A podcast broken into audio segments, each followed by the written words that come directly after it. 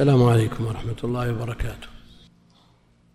الحمد لله رب العالمين وصلى الله وسلم وبارك على عبده ورسوله نبينا محمد وعلى آله وأصحابه أجمعين.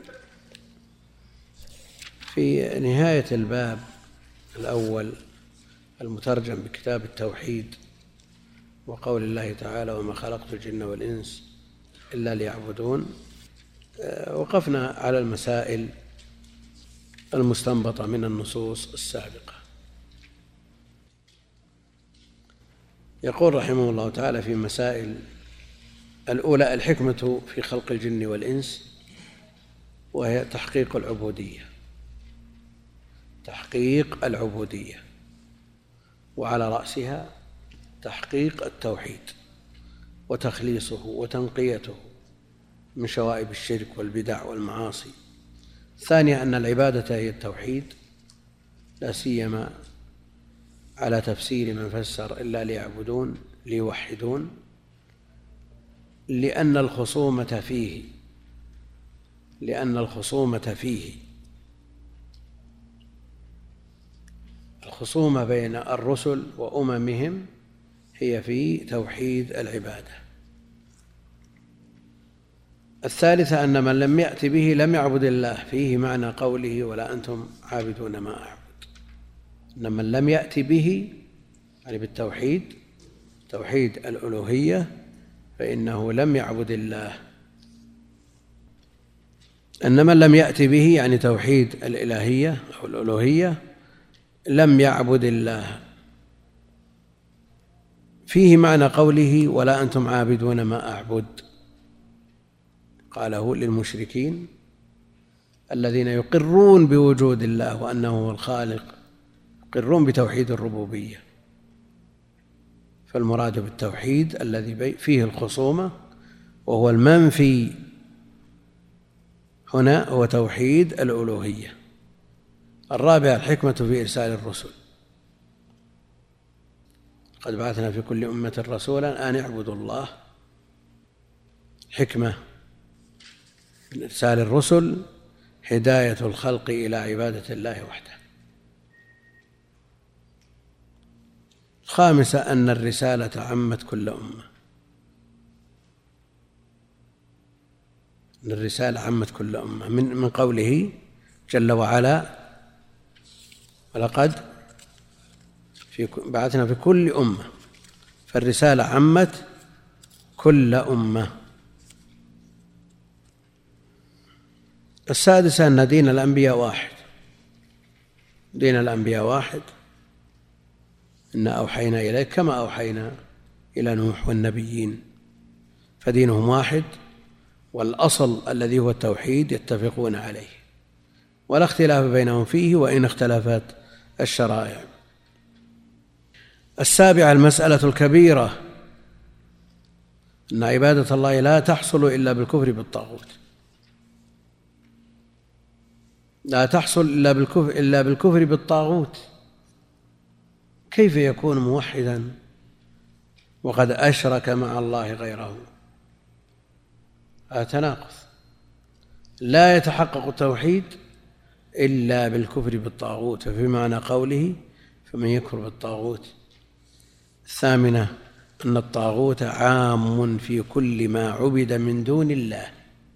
الطاغوت عام في كل ما عبد من دون الله سواء كان ملكا مقربا أو نبيا مرسلا أو حجرا من الأحجار أو غير ذلك.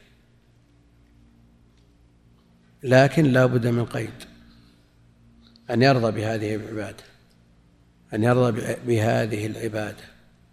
وإلا فعيسى عبد من دون الله عبد من دون الله لكنه لم يرضى. ولما نزل قوله جل وعلا إنكم وما تعبدون من دون الله حصب جهنم فرح بذلك بعض المشركين وجاءوا إلى النبي عليه الصلاة والسلام وقال له إن قوله قولك إنكم وما تعبدون من دون الله حصب جهنم هذه النصارى تعبد عيسى. إذا عيسى من حصب جهنم. وأن تقول إنه رسول وتؤمن به وتصدق به وتأمر بتصديقه والإيمان به ركن من أركان الإيمان لكن هل هذا الاستدراك صحيح؟ لأن قوله ما قالوا لغير العاقل إنكم وما تعبدون من دون الله حصب جهنم هذه لغير العاقل وعيسى عاقل. لكن هل تنفي هذه ما من عبد ممن يتصف بالعقل من دون الله ورضي بذلك؟ ألا يكون من حصب جهنم؟ وإن كان عاقلا على حد زعمه؟ لماذا؟ لأنه في في الحكم غير عاقل. لأنه في الحكم غير عاقل. فيعامل معاملة غير العقلاء إذا رضي بذلك. التاسع عظم شأن ثلاث الآيات المحكمات في سورة الأنعام.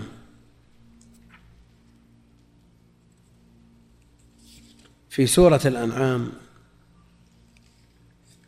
قل تعالوا أتلوا ما حرم ربكم عليكم ألا تشركوا به شيئا وبدأ بنفي الشرك والنهي عنه. عند السلف وفيها عشر مسائل أولاها النهي عن الشرك. وذلكم لأنه لا يتحقق الأصل الأصيل في تحقيق التوحيد إلا بنفي الشرك. العاشرة الآيات المحكمات في سورة الإسراء وفيها ثمانية عشرة مسألة. بدأ بقوله ولا تجعل مع الله إلها آخر. يعني لا تشرك بالله. بدأها بالنهي عن الشرك فتقعد مذموما مخذولا. يعني من خذله الله من يستطيع أن ينصره. ومن ذمه الله من يستطيع أن يمدحه. ومن يهن الله فما له من مكرم. وختمه بقوله ولا تجعل مع الله إلها آخر. فتلقى في جهنم ملوما مدحورا. كل يلومك على هذا الشرك إذا ظهرت النتائج وألقيت في جهنم. ونبهنا الله سبحانه على شأن هذه المسائل بقوله ذلك مما أوحى إليك ربك من الحكمة. ما يدل على أهمية هذه المسائل وعظم شأنها. ذلك مما أوحى إليك ربك من الحكمة. الحادية عشرة آية سورة النساء التي تسمى آية الحقوق العشرة. وقد بدأها الله تعالى بقوله واعبدوا الله ولا تشركوا به شيئا. بدأها بتوحيد العبادة ونهي والنهي عما يضاده من الشرك ولا تشركوا به شيئا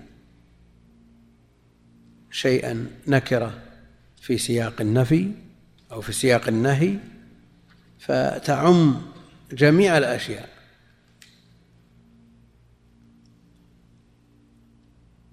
وهل من الشرك النظر إلى شيء من المخلوقات ليكون مقصدا وهدفا في العبادة. عبد الله ليدخل الجنة. عبد الله جل وعلا لينجو من النار. هل هذا من الشرك؟ كما قال بعضهم في آخر آية في سورة الكهف كان يرجو لقاء ربه فليعمل عملا صالحا ولا يشرك بعبادة ربه أحدا قال أن الذي يلاحظ الجنة والنار مشرك لكن ما جعله الشرع ملحظا فلا مانع من ملاحظته. وأمر آخر وهو أن ملاحظة أو الخوف من العذاب ليس من العذاب ذاته وإنما هو من المعذب. وملاحظة النعيم ليس لذات النعيم وإنما هو للمنعم لو رأيت شخصا بيده عصا هل خوفك من العصا أو ممن بيده العصا؟ تخاف من العصا ولا من اللي بيدها العصا؟ إذا خوفك من النار إنما خوف من الله جل وعلا. الثانية عشرة التنبيه على وصية رسول الله صلى الله عليه وسلم عند موته. يعني هل النبي عليه الصلاة والسلام أوصى؟ يعني مقتضى كلام ابن مسعود أنه أوصى. لكن هل بالفعل حصلت وصية؟ أو أنها باعتبار أهميتها وعظم شأنها؟ وأن النبي عليه الصلاة والسلام آه، مات ولم تنسخ هذه الآيات ولا؟ نعم. شلون؟ طيب. شيء طيب لو رأيت شخصا بيده طعام وأنت مشتهى لهذا الطعام أنت تتقرب لهذا الطعام أو لتتقرب لمن بيده الطعام من أجل أن يطعمك؟ تطلب رضاه ليطعمك. الأمر بيده. الأمر بيده. الثانية عشرة التنبيه على وصية رسول الله صلى الله عليه وسلم عند موته. من أراد أن ينظر إلى وصية النبي عليه الصلاة والسلام التي عليها خاتمه. يعني هل هذا استنباط من ابن مسعود أو وقف على نص منه عليه الصلاة والسلام بالوصية بهذه الآيات؟ ها؟ كيف؟ نعم الشراح كلهم يقولون استنباط.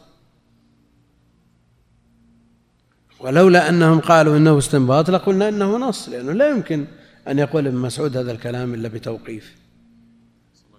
نعم. كأنها مختومة بخاتم لأن الوصايا النافذة المعتبرة هي التي يختم عليها. أما كلام عادي كذا بدون خاتم ما يمشي. ولذلك لما قيل للنبي عليه الصلاة والسلام أن فارس والروم لا يقرؤون الكتاب إلا إذا كان مختوما اتخذ الخاتم. عليه الصلاة والسلام كلام إيش؟ على إيش؟ يعني كأنها وصية مؤكدة مختومة بالخاتم الذي يدل على تأكيد ما احتوته هذه الوصية الثالثة عشرة معرفة حق الله علينا يعني في حديث معاذ تدري ما حق الله على العباد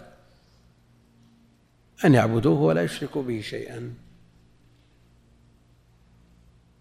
الرابعة عشرا معرفة حق العباد عليه إذا أدوا حقه وهو أن لا يعذب من لا يشرك به شيئا. الخامسة عشرة أن هذه المسألة لا يعرفها أكثر أكثر الصحابة. بدليل أن معاذا قال الله ورسوله أعلم وكتمها عن الصحابة.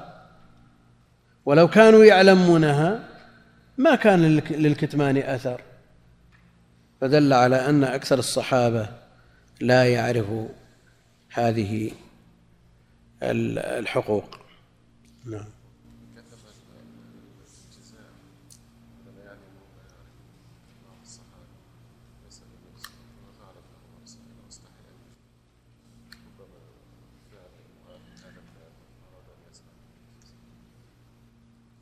له كتمها خشية أن يتكلوا.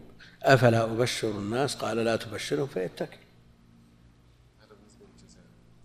إيه. أما بالنسبة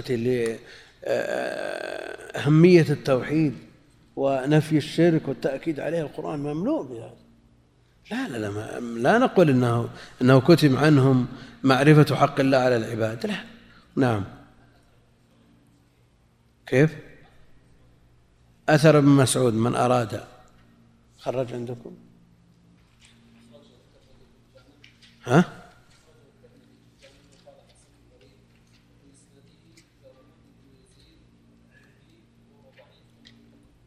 داود بن يزيد الأودي غيره. ما في تخريج غير هذا؟ لكن باعتباره باعتباره أثر. باعتباره أثرا لا يهتمون به كما يهتمون بالحديث ويتداولونه من غير نكير. وسيأتينا في الحديث الآخر حديث الخبر عن موسى عليه السلام ما شيء ما يتعلق بهذا إن شاء الله تعالى. السادسة عشرة جواز كتمان العلم للمصلحة. جواز كتمان العلم للمصلحة. فكتم معاذ. هذا الخبر امتثالا لقول لا تبشرهم فيتكل. خشية أن يعتمد الناس على مثل هذا الوعد ويغفلوا عن نصوص أخرى توجب عليهم بعض الأعمال وتحرم عليهم بعض فيها الزجر والوعيد الشديد بالنار. على بعض الأعمال أن الإنسان قد يسمع نص الوعد فيغفل عما يقابله. ولذلك جاء في الحديث الصحيح من توضأ نحو وضوء هذا ثم قال ثم صلى ركعتين دخل من أي أبواب جنة الثمانية شاء ولا تغتروا. لأن هذه أسباب والأسباب إنما تعمل إذا انتفى المانع. إذا ضم إليها أسباب أخرى لا بد من توافر جميع الأسباب يعني هذا سبب من الأسباب فلا بد من توافر جميع الأسباب وانتفاء الموانع. فقد يأتي الإنسان بمانع ويتكل على مثل هذا. جواز كتمان العلم للمصلحة. بعض الناس بعض العلوم له فتنة فمثل هذا يكتم عنه العلم الذي يفتنه. حدث الناس ما يعرفون أتريدون أن يكذب الله ورسوله؟ نعم.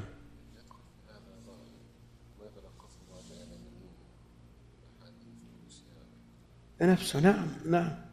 يعني بعض المفتونين تجد يتتبع بعض الأمور المتشابهة ويترك الأمور المحكمة ويفتن بها الناس ويفتن بها الناس.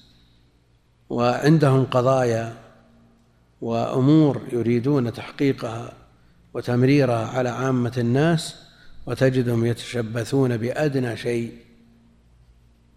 ويغفلون أو يتغافلون عما يعارضه مما هو أقوى منه. السابعة عشرة استحباب بشارة المسلم بما يسره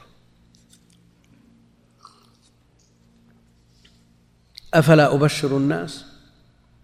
لأن هذا يسرهم.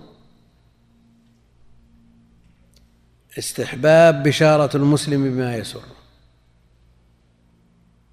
لكن إذا ترتب على ما يسره ضرر يبشر به أو لا يبشر. نعم؟ بعض الناس لا يحتمل بعض البشارات. أخبر فلان من الناس بأنه كسب مبلغ كذا. فاختل عقله بشر بأنه كسبت أرضه الفلانية كذا مليون. فجن بسبب ذلك. لكن هل هذه البشارة هي تسره بلا شك. ولا فقد عقله إلا من آه، مزيد السرور. فإذا خشي عليه أن يضره هذه تضره هذه البشارة فإنه حينئذ لا يبشر بها. ويبقى أن البشارة بما يسر مستحب. وقد بشر كعب بن مالك لما تيب عليه بحضرة النبي عليه الصلاة والسلام. الثامنة عشرة الخوف من الاتكال على سعة رحمة الله. ولذا قال لا تبشروا فيتكلوا. ومن هذا نعلم أن النصوص نصوص الكتاب والسنة إنما هي علاج لأدواء سواء كانت في الأفراد أو في المجتمعات.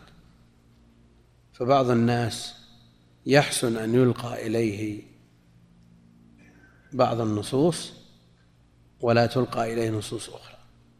أن وجدنا شخصا شق على نفسه وقام الليل فلم ينم وصام النهار فلم يفطر وارتكب العزائم في جميع الأمور بحيث شقت عليه هذه الأمور. مثل هذا تناسبه نصوص الوعد.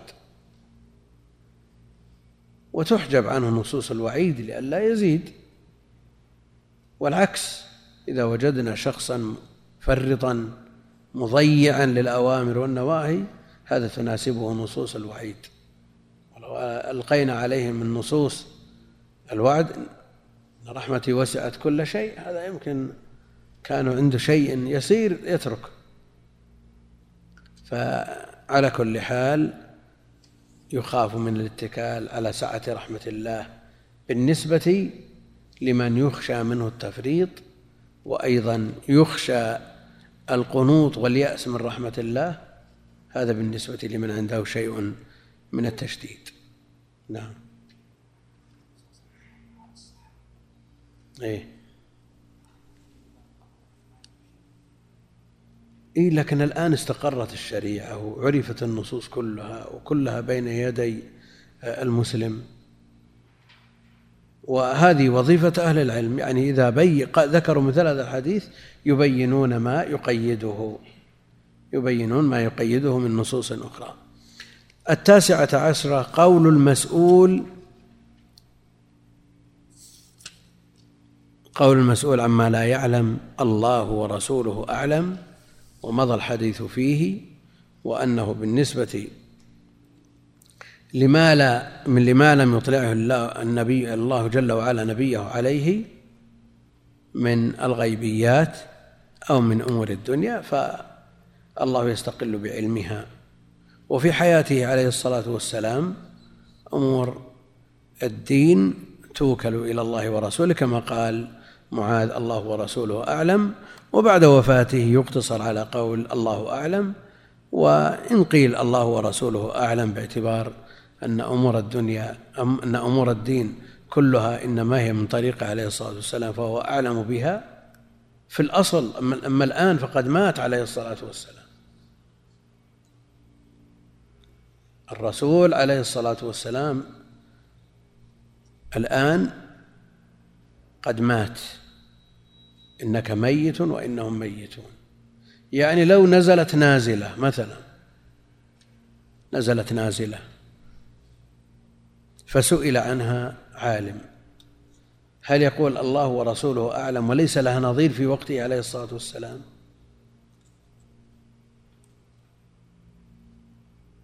نعم. كيف؟ أمر شرعي حلها شرعي. نعم. نعم بالقيد الذي تقدم. أما كونه عليه الصلاة والسلام مات قد مات بلا شك. هذا نطق به القرآن. وهو محل إجماع. بخلاف من يزعم أنه حي حياة كاملة مستقرة كحياة من آه، اقترنت روحه ببدنه لذلك في الموالد تجدهم وهم يقرؤون المولد يقومون جميعا في وقت واحد زعما منهم أن النبي عليه الصلاة والسلام دخل المجلس. طيب دخل المجلس هل يرى أو لا يرى؟ نعم. هل يرونه؟ قد يخيل إلى بعض المغرقين في الغلو. يخيل إليهم وقد يفتنون. قد يسمع بعضهم صوت كما سمعوا من أجواف القبور. إذا نادوا قد يرد عليه قد يرد عليهم شيطان لكن الشيطان لا يتمثل به عليه الصلاة والسلام. المسألة العشرون جواز تخصيص بعض الناس بالعلم دون البعض. جواز تخصيص بعض الناس بالعلم دون البعض فخص معاذ بهذا الخبر وهذا من باب إبراء الذمة بالتبليغ. النبي عليه الصلاة والسلام أمر أن يبلغ الدين وأمر أن يبين للناس ومع ذلك برئت عهدته عليه الصلاة والسلام من هذه المسألة حين بلغها معاذا وخصه بها. وأمره ألا يبشر الناس بها. الحادية والعشرون معاذ رضي الله تعالى عنه أخبر بهذه المسألة عند موته تأثما خشية الكتمان الذين يكتمون ما أنزلنا من البينات والهدى أولئك إيه يلعنهم الله. يخشى من مثل هذا. وأبو هريرة رضي الله عنه يقول لولا آيتان في كتاب الله ما حدثتكم لكنهم يخشون من الكتمان. ومن سئل عن علم فكتمه ألجم يوم القيامة بلجام من نار. الحادث والعشرون تواضعه صلى الله عليه وسلم لركوب الحمار مع الإرداف عليه. تواضعه صلى الله عليه وسلم لركوب الحمار وعرفنا ما في هذا في درس الأمس مع الإرداف عليه. والثانية والعشرون جواز الإرداف على الدابة يعني شريطة أن تكون مطيقة للإرداف شريطة أن تكون تطيق هذا الإرداف الثالثة والعشرون عظم شأن هذه المسألة ها؟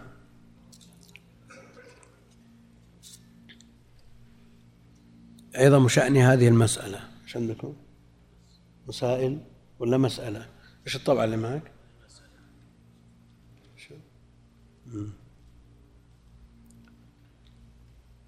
على كل حال المسائل التي مرت كلها عظيمة. والمسألة الأخيرة مسألة عظيمة من هذه المسائل. سم. الحمد لله رب العالمين وصلى الله وسلم وبارك على عبده ورسوله نبينا محمد وعلى آله وصحبه أجمعين. قال الإمام رحمه الله تعالى باب فضل التوحيد وما يكفر من الذنوب. وقول الله تعالى الذين آمنوا ولم يلبسوا إيمانهم بظلم. عن عن عبادة بن الصامت رضي الله عنه قال قال ما عندك أولئك لهم الأمن لا ما عندي. ها؟ إيش عندكم؟ كمل الآية. كمل. أولئك لهم الأمن وهم مهتدون. وقول الله تعالى الذين آمنوا ولم يلبسوا إيمانهم بظلم أولئك لهم الأمن وهم مهتدون عن عبادة بن الصامت رضي الله عنه قال قال رسول الله صلى الله عليه وسلم من شهد أن لا إله إلا الله وحده لا شريك له وأن محمدا عبده ورسوله وأن عيسى عبد الله ورسوله وكلمته ألقاها إلى مريم وروح منه والجنة حق والنار حق أدخله الله. وفي أن وأن الجنة؟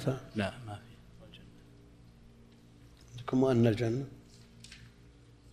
بدون أن ها؟ هذه النسخة الثانية والجنة والنار طيب. سم.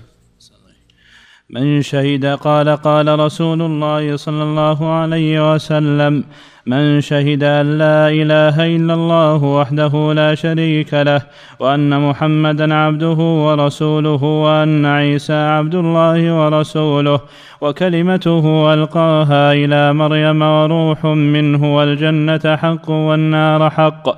أدخله الله الجنة على ما كان من العمل ولهما من حد ولهما أخرجاه, أخرجاه. أخرجاه. ولهما في حديث عتبان فإن الله حرم على النار من قال لا إله إلا الله يبتغي بذلك وجه الله. وعن أبي سعيد الخدري رضي الله عنه عن رسول الله صلى الله عليه وسلم قال قال موسى عليه السلام يا رب علمني شيئا أذكرك وأدعوك به. قال قل يا موسى لا إله إلا الله. قال كل عبادك يقولون هذا. قال يا موسى لو أن السماوات السبع وعامرهن غيري والأرضين السبع في كفة ولا إله إلا الله في كفة مالت بهن لا إله إلا الله. رواه ابن حبان والحاكم وصححه وللترمذي وحسنه عن أنس رضي الله عنه قال سمعت رسول الله صلى الله عليه وسلم يقول قال الله تعالى يا ابن آدم لو أتيتني بقراب الأرض خطايا ثم لقيتني لا تشرك بي شيئا لأتيتك بقرابها مغفرة. فيه مسائل الأولى سعة فضل الله الثانية كثرة ثواب التوحيد عند الله الثالثة تكفيره مع ذلك للذنوب الرابعة تفسير الآية الثانية والثمانين التي في سورة الأنعام الخامسة تأمل الخمس اللواتي في حديث عبادة. السادسة أنك إذا جمعت بينه وبين حديث عتبان وما بعده تبين لك معنى تبين لك معنى قول لا إله إلا الله وتبين لك خطأ المغرورين السابعة التنبيه السابعة التنبيه للشرط في حديث إتبان. الثامنة كون الأنبياء يحتاجون للتنبيه على فضل لا إله إلا الله. التاسعة التنبيه لرجحانها بجميع المخلوقات مع أن كثيرا ممن يقولها يخف ميزانه. العاشرة النص على أن الأراضين سبع كالسماوات. الحادية عشرة أن لهن عمارا. الثانية عشرة إثبات الصفات خلافا للأشعرية. الثالثة عشرة معطلة. وفي بعض النسخ خلافا للمعطلة. نعم الأشعرية منهم نعم.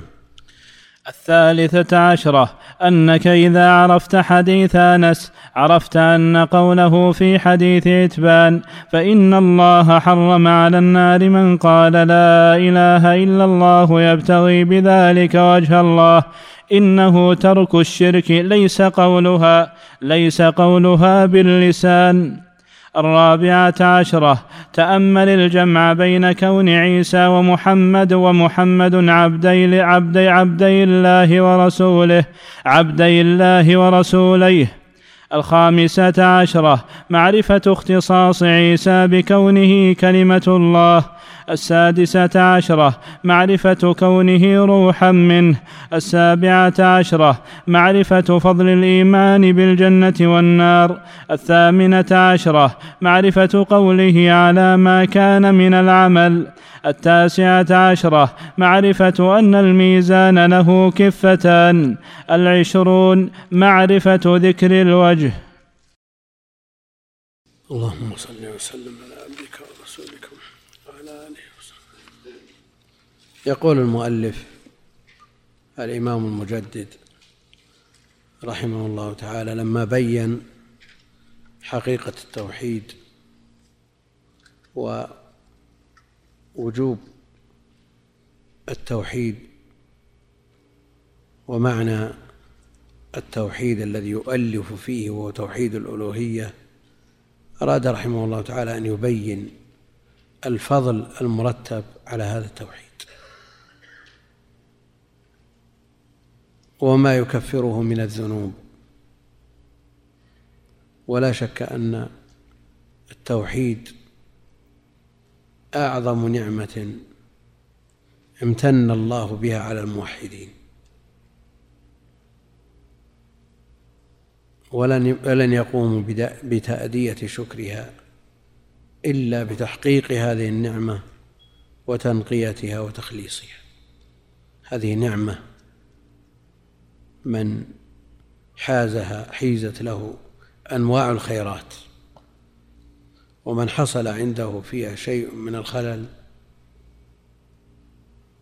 فإنه خطر من الخسران المبين في الدنيا والآخرة. هذه النعمة على الموحد أن يلهج بذكر الله وشكره أن وفقه لهذا التوحيد الذي حرمه كثير من الناس. من المتقدمين والمتأخرين. تصور حال المشرك وقد ضرب الله له مثلا في غاية البلاغة والفصاحة للتنفير من الشرك.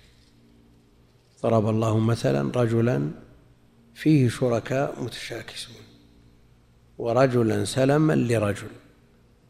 تصور شخص مملوك لشركاء ثلاثة أو أربعة متشاكسون مختلفون وفي أخلاقهم شدة يعني يؤخذ من التشاكس مع كونه اختلاف إلا أنهم أيضا فيهم شيء من الشدة والغلظة. اذهب إلى المكان الفلاني يقول الثاني لا اذهب إلى المكان الفلاني الثالث لا. يقول هات الحاجة الفلانية وهكذا. ماذا يكون وضع هذا المسكين؟ العبد المملوك لهؤلاء. ورجل سلما لرجل. يأمره بأمر يستطيعه. خالص لهذا الرجل. ما عنده إزدواجية ولا عنده اضطراب ولا عنده خلل. يؤمر فيأتمر وينهى فينتهي. يعني هذا في الأمور المحسوسة. والعبودية بالنسبة للمخلوق ناقصة. لأن سببها ناقص. نعم يستحق بها أن يكون مالكا لهذا العبد لكنه ملك ناقص وليس بملك تام. فالعبودية ناقصة كما أن سبب الملك ناقص. فكيف بالعبودية التامة للمالك الملك التام؟ يعني إذا عرفنا أن هذا الذي يملكه أكثر من واحد فلنعلم أن المشرك شأنه وأمره أشد وأعظم. لأن هذه المشقة اللاحقة بهذا المملوك لهؤلاء المالكين المتشاكسين ينتهي وينقطع بالموت. لكن متى ينقطع أثر التشاكس في المعبودين من دون الله؟ هذا لا ينقطع. بل هذا الذي يعبد أكثر أو يعبد مع الله غيره يشقى به في الدنيا ويصلى لظى خالدا مخلدا فيها في الآخرة. وإذا عرفنا الشرك عرفنا قيمة التوحيد وأنه أعظم نعمة امتن الله بها على العباد. قال رحمه الله تعالى باب فضل التوحيد وما يكفر من الذنوب. باب فضل التوحيد يعني وباب ما يكفر وما هذه يحتمل أن تكون مصدرية. باب فضل التوحيد وتكفيره الذنوب أو تكون موصولة والعائد محذوف والتقدير والذي يكفره من الذنوب. وقول الله تعالى الذين آمنوا ولم يلبسوا إيمانهم بظلم أولئك لهم الأمن وهم مهتدون. الذين آمنوا ولم يلبسوا يعني لم يخلطوا لأن لبس يلبس خلط يخلط بخلاف لبس يلبس. لبس الثوب يلبسه.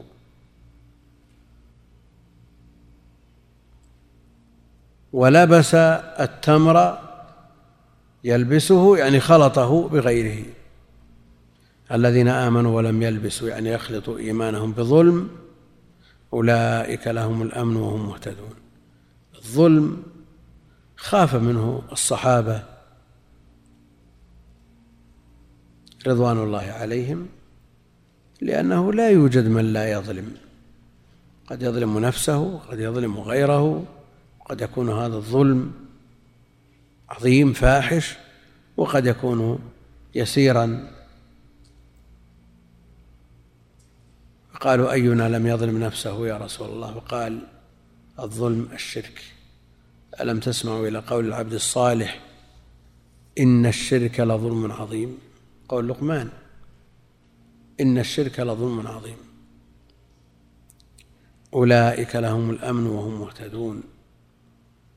فلن يتحقق الأمن لن يتحقق الأمن إلا بتحقيق التوحيد ونفي الشرك بجميع صوره وأشكاله. الأمن لا يحققه القوة والقهر والحديد والنار يحققه تحقيق التوحيد ونفي الشرك. وإذا نظرنا إلى الواقع الذي نعيشه منذ ما يقرب من ثمانين سنة في هذه البلاد من أمن وافر يعني من خلال ثمانين سنة قريب من ثمانين سنة عاشت هذه البلاد في أمن لم يذكر له نظير في التاريخ. كل هذا بسبب تحقيق التوحيد. الذين آمنوا ولم يلبسوا إيمانهم بظلم. وفي سورة النور ولا يبدلنهم من بعد خوفهم أمنا يعبدونني لا يشركون بي شيئا. هذا هو الذي يحقق الأمن على الحقيقة. والله المستعان. أولئك لهم الأمن وهم مهتدون. لهم الأمن في الدنيا والآخرة. فالذي يحقق التوحيد ويخلص هذا التوحيد من أنواع الشرك والبدع والمعاصي له الأمن التام. له الأمن التام. وإذا حصل فيه خلل اختل هذا الأمن بقدر هذا الخلل كما يقول ابن القيم الحصة بالحصة. نعم. ها؟ إيه. لا يسلم من شوب شرك. هذا اللي أجبنا عنه في السؤال.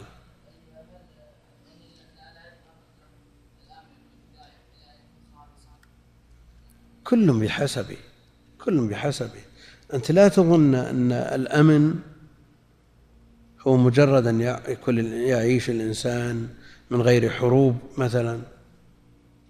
يعني ليس الأمن في مقابل الأمن التام في مقابل الحروب والتدمير والفساد.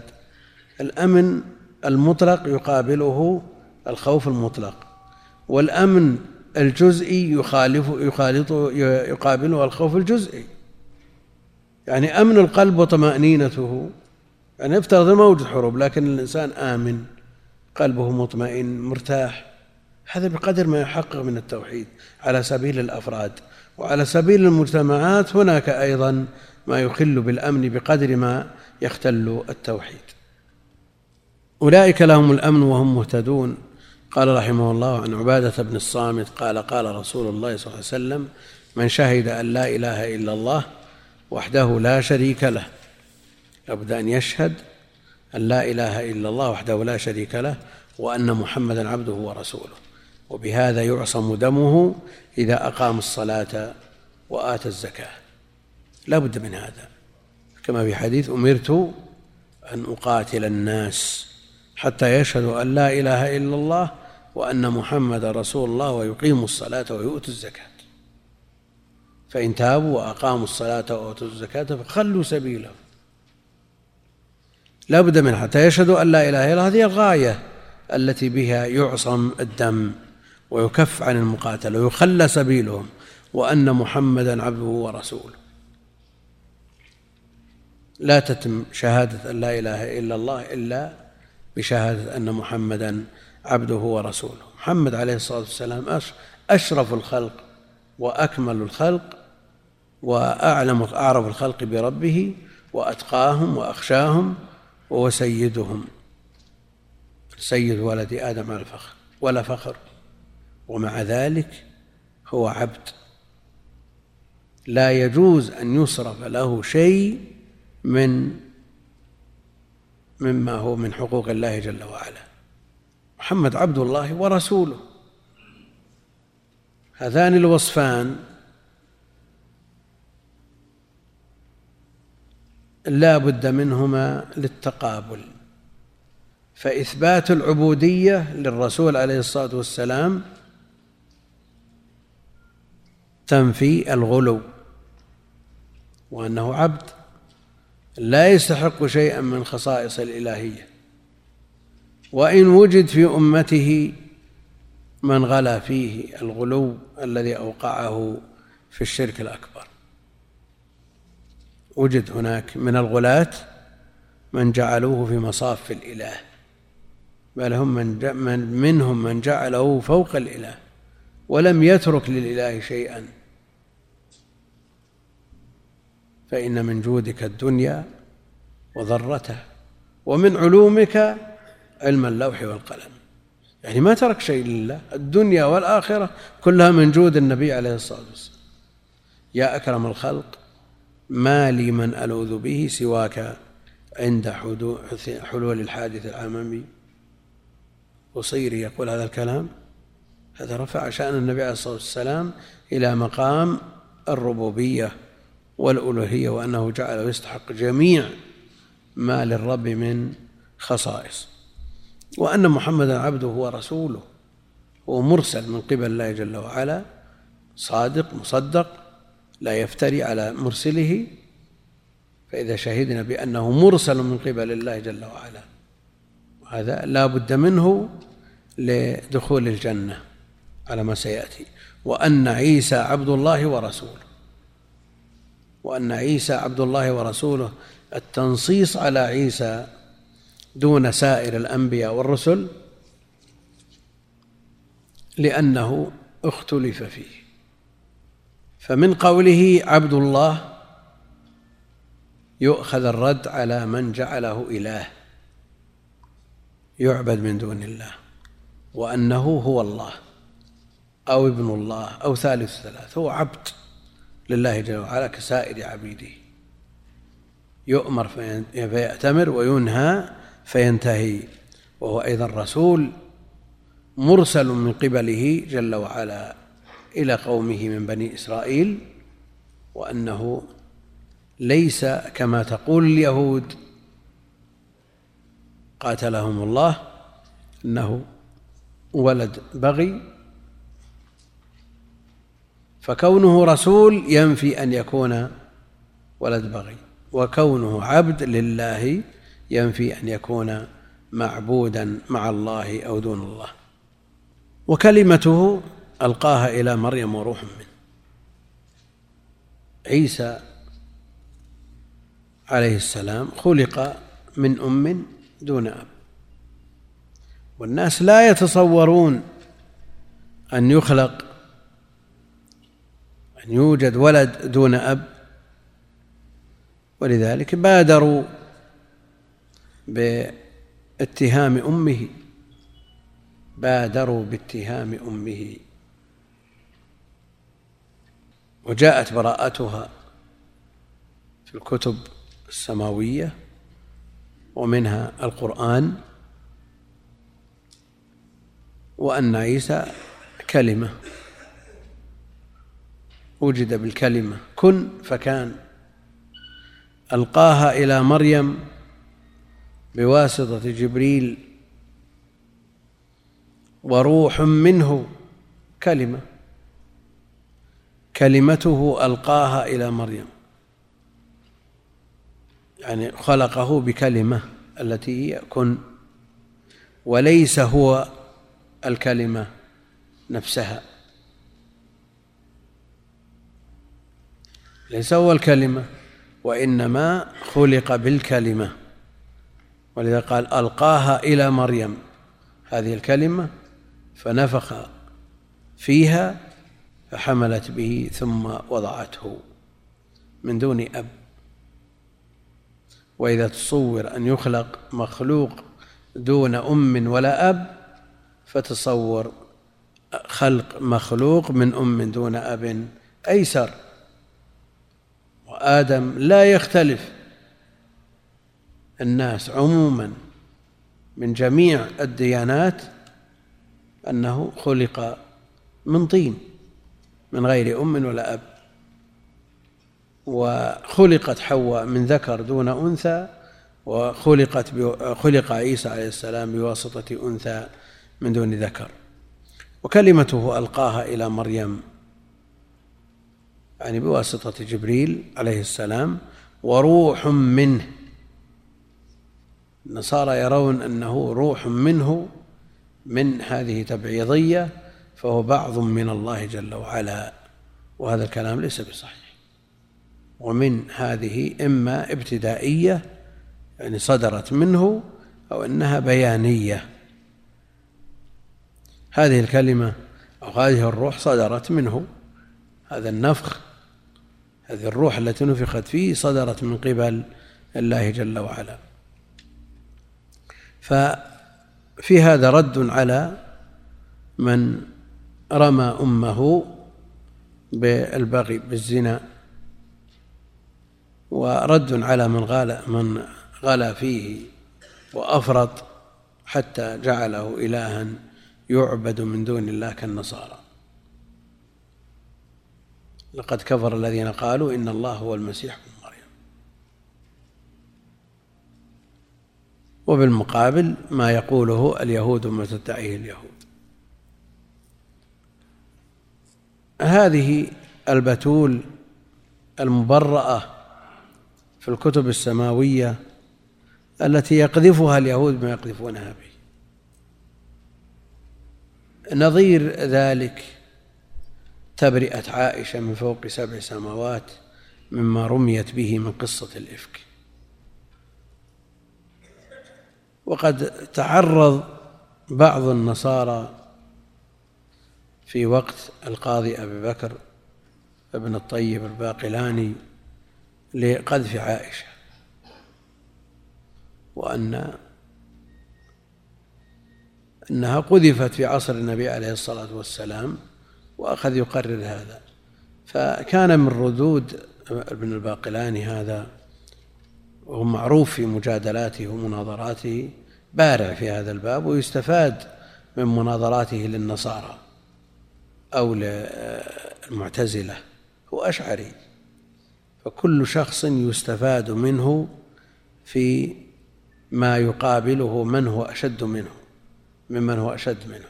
يعني الأشاعرة نستفيد من ردودهم على المعتزلة والمعتزلة نستفيد من ردودهم على الجهمية وغيرهم نستفيد من ردودهم على آه، اليهود والنصارى وغير ذلك. الباقلاني قال للنصراني أيهما أولى بالقذف؟ التي تكلم فيها وهي ذات زوج ولم تأت بولد. أيهما أولى بالقذف؟ ويريد أن يقرر نفي التهمة عن عائشة.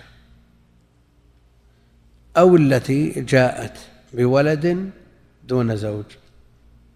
وهذا من باب الإلزام لا أنه يريد أن يقذف مريم. لو قذف كفر. صار مثل اليهود.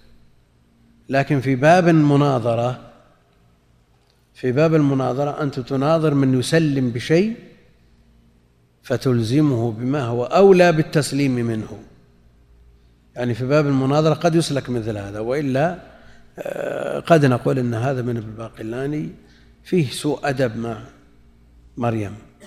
لكنه لا يقول بهذا لا من قريب ولا من بعيد لكنه يريد أن يلزمهم بما هو أولى وأوضح في الاستدلال.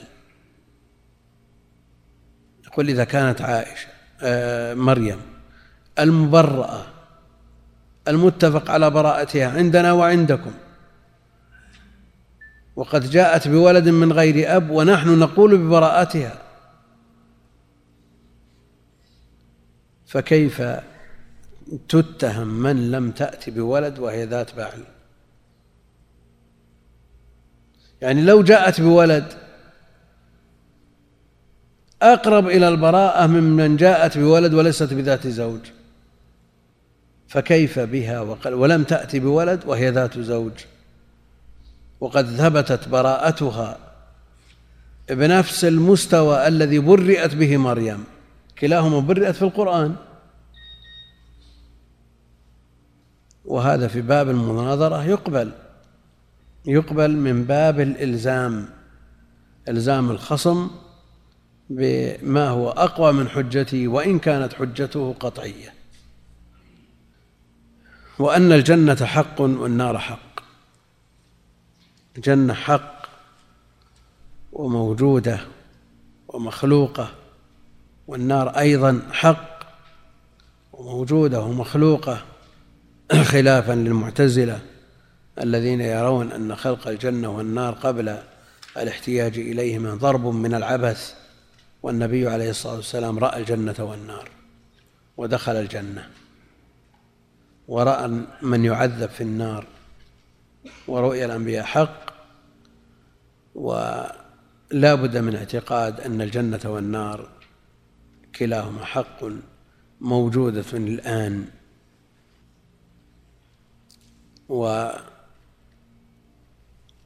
والنار يعرضون عليها غدوا وعشيا. ويوم تقوم الساعة أدخلوا آل فرعون أشد العذاب. يعرضون عليه غدوا وعشيا. في القيامة هو الآن الآن في الدنيا. وأنهما باقيتان لا تفنيان.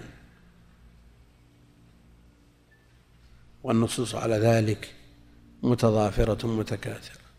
فالجنة أعدها للمؤمنين يوم القيامة ولضدهم دار الجزاء الثاني التي هي النار.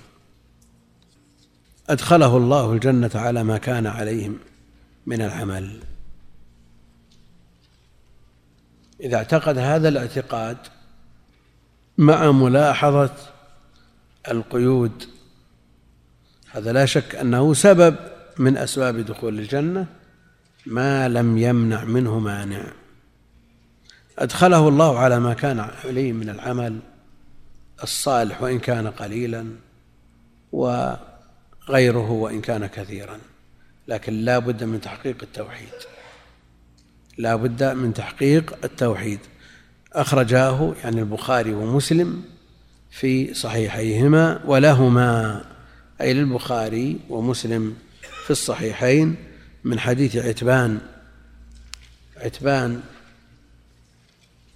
من الصحابة كان يصلي بقومه ومعهم فكف بصره وشق عليه الخروج إلى الصلاة مع قومه. فدعا النبي عليه الصلاة والسلام إلى بيته لينظر له في مكان يتخذه مصلى. فذهب إليه النبي عليه الصلاة والسلام ومعه بعض الصحابة فاتخذ المكان الذي يصلي فيه وصلى فيه النبي عليه الصلاة والسلام ثم جلسوا يتحدثون فوقع بعضهم في مالك بن الدخشم قال إنه منافق. فقال النبي عليه الصلاة والسلام إن الله حرم على النار من قال لا إله إلا الله يبتغي بذلك وجه يعني الرجل ظاهره الصلاح وهو ينطق بهذه الكلمة يقول هذه الكلمة فلا يجوز الوقوع في عرضه بحال لأن الله حرم على النار من قال لا إله إلا الله يبتغي بذلك وجه الله. قد يقول قائل أن مثل هذا العذر من عتبان يبيح له ترك الجماعة. مع أنه جاء في حديث ابن أم مكتوم أنه رجل أعمى والطريق إلى المسجد فيه وعورة وفيه آه، هوام وليس له قائد يلائمه مع ذلك لم يعذره النبي عليه الصلاة والسلام. لأنه قال له في النهاية أتسمع النداء؟ قال نعم. قال أجب لا أجد لك رخصة. والجمع بينهما ظاهر. وأن عتبان لا يسمع النداء. ولو سمع النداء لقال له مثل ما قال لابن أم مكتوم. وبيته في الطريق بين مسجده عليه الصلاة والسلام وبين قباء في منتصف الطريق. فهو لا يسمع النداء. النداء الطبيعي بدون مكبرات وبدون مؤثرات موانع تمنع السماع يسمع في الغالب من كيلو ونصف. كيلو ونصف إلى كيلوين هذا المتوسط. يسمع. بدون مؤثرات بدون مكيفات وبدون غلق وأبواب ونوافذ وسيارات ومصانع. بدون هذه يسمع وبدون مكبرات لأن الأصل عدم دخول المحدثات. يعني النداء في وقته عليه الصلاة والسلام الجو هادئ ما في سيارات ما في مصانع ما فيه مكيفات ولا فيه غلق محكم لا يمكن أن تسمع شيء تسمع. فإذا كانت المسافة كيلو ونصف إلى كيلوين السماع متحقق وعتبان يبعد بيته عن المسجد أكثر من ذلك فهو لا يسمع النداء ولذا عذر واتخذ له النبي عليه الصلاة والسلام مسجدا في بيته. وهنا بدأ بالصلاة ثم الحديث والأكل. وفي حديث أنس حينما صنعت أم سليم الطعام للنبي عليه الصلاة والسلام ودعت النبي عليه ودعته إلى هذا الطعام أكل ثم صلى. لأنه في حديث إثبان دعي للصلاة وفي حديث أنس دعي للأكل. ثم قال أنس فعمدت إلى حصير لنا قد اسود من طول ما لبس وترجم عليه الإمام البخاري باب الصلاة على الحصير. وقد يقول قائل هل يشك أحد بجواز الصلاة على الحصير؟ لنحتاج إلى هذه الترجمة؟ نعم من منهم من المتقدمين من كره الصلاة على الحصير. لماذا؟ ها؟ لا لا لا. لا لا أخذا من قوله جل وعلا في سورة الإسراء جعلنا جهنم للكافرين حصيرا من باب التسمية كراهية للإسم. ولهما في حديث عتبان فإن الله حرم على النار من قال لا إله إلا الله يبتغي بذلك وجه الله. يعني الذي يقول لا إله إلا الله يبتغي بذلك وجه الله. هل يتصور أن يترك ما أمره الله به؟ أو يفعل ما نهاه عنه لأنه يبتغي وجه الله. كيف يبتغي وجه الله؟ وقد ترك المأمور وفعل المحظور. قال شيخ الإسلام إن قوله يبتغي بذلك وجه الله مما يطلب فعل الأوامر وترك النواهي. وإن كان الزهري بعد الحديث قال ثم بعد ذلك فرضت فرائض وحرم محرمات. قول لا إله إلا الله تحريم النار على من قال لا إله إلا الله هو قبل فرض الفرائض وقبل تحريم بعض المحرمات. نعم. إيه.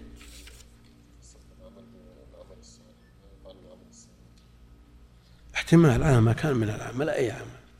لكن إن كان صالحا فالسياق يدل على أنه وإن قل والعمل السيء وإن كان السياق يدل على أنه وإن كان كثيرا. لكنه سبب مثل ما قلنا في سائر الأسباب هو سبب. والسبب قد يوجد عنده أو به المسبب أو لا يوجد. تبا نظرا لوجود الموانع يعني لا يكفي وجود السبب بل لابد من انتفاء الموانع. وعن أبي سعيد الخدري أن النبي صلى الله عليه وسلم قال قال موسى يا ربي علمني شيئا أذكرك وأدعوك به. قال قل يا موسى لا إله إلا الله. يا رب علمني. يقول موسى عليه السلام يا رب علمني شيئا أذكرك وأدعوك به فقال قل يا موسى لا إله إلا الله. أما كونه ذكر فواضح. وكونه دعاء نعم. هو دعاء عبادة لكن من يقول لا إله إلا الله ألا يطلب بذلك المغفرة من الله جل وعلا؟ فهو دعاء مسألة أيضا. ولذا جاء في الحديث أفضل الدعاء دعاء يوم عرفة. وأفضل ما قلت أنا والنبيون من قبلي لا إله إلا الله وحده لا شريك له له الملك وله الحمد على كل شيء قدير. قال يا ربي كل عبادك يقولون هذا. قال يا موسى إلى آخر الحديث. أولا الحديث مخرج عند ابن حبان والحاكم وهو عند جمع من أهل العلم. لأن في إسناده دراجا. أبا السمح وهو ضعيف عند أهل العلم. صححه الحاكم وخرجه ابن حبان في صحيحه وصححه أيضا ابن حجر في فتح الباري. هذا الحديث المختلف فيه. أما على ثبوته فلا إشكال. يعني ولو على أقل وجوه الثبوت. ككونه حسنا لغيره مثلا هذا لا إشكال أنه يستدل به. وسواء قلنا الحديث في الفضائل أو في العقائد. الحديث في الفضائل في فضل قول لا إله إلا الله فهو من الفضائل أو في العقائد. ها؟ إيه لأن هناك بون شاسع بين البابين. إذا قلنا في الفضائل جمهور أهل العلم يتسامح في الفضائل. إذا قلنا في العقائد أهل العلم قاطب يتشددون في باب العقائد.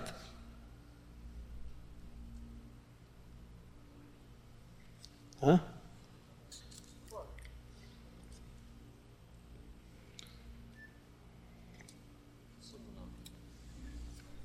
نعم.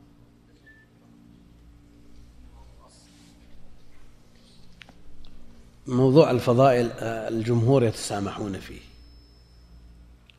ويتشددون في الأحكام ومن باب أولى العقائد. دعونا من قول من يقول أن العقائد لا يحتج بها بالإخبار الآحاد فيها. قالوا على مذهب قول أهل السنة المعتمد أن الآحاد يجب العمل بها إذا صحت في جميع أبواب الدين. ومع ذلك باب الاعتقاد أشد من الأحكام والأحكام يتشددون فيها. فإن قلنا أن الحديث في الفضائل قلنا الأمر أسهل لأن جمهور أهل العلم يتساهلون في أحاديث الفضائل وقلنا إن الحديث في باب العقائد قلنا أنه على القول بتضعيفه وأن سنده فيه لين لأن فيه دراج. وهو مضعف عند أهل العلم. وأما من صححه كالحاكم وابن حبان وصححه أيضا ابن حجر في فتح الباري. من يصححه لا إشكال عنده لكن من يضعفه والحديث إما في العقائد أو في الفضائل في الفضائل ما في إشكال عند الجمهور. يبقى أنه في العقائد لا يقبل بحال إذا كان ضعيفا. أما إذا صح فانتهى الأمر. ولا شك أن في سنده شيء من الضعف. فيه لين. فيه لين. والحكم بصحته فيه تساهل. فيه تساهل. قال قال موسى يا رب علمني شيئا أذكرك وأدعوك به عرفنا أن قول لا إله إلا الله ذكر بلا إشكال وعرفنا وجه كونه يدعو بها. ولذلك قال دعوة أخي ذي النون.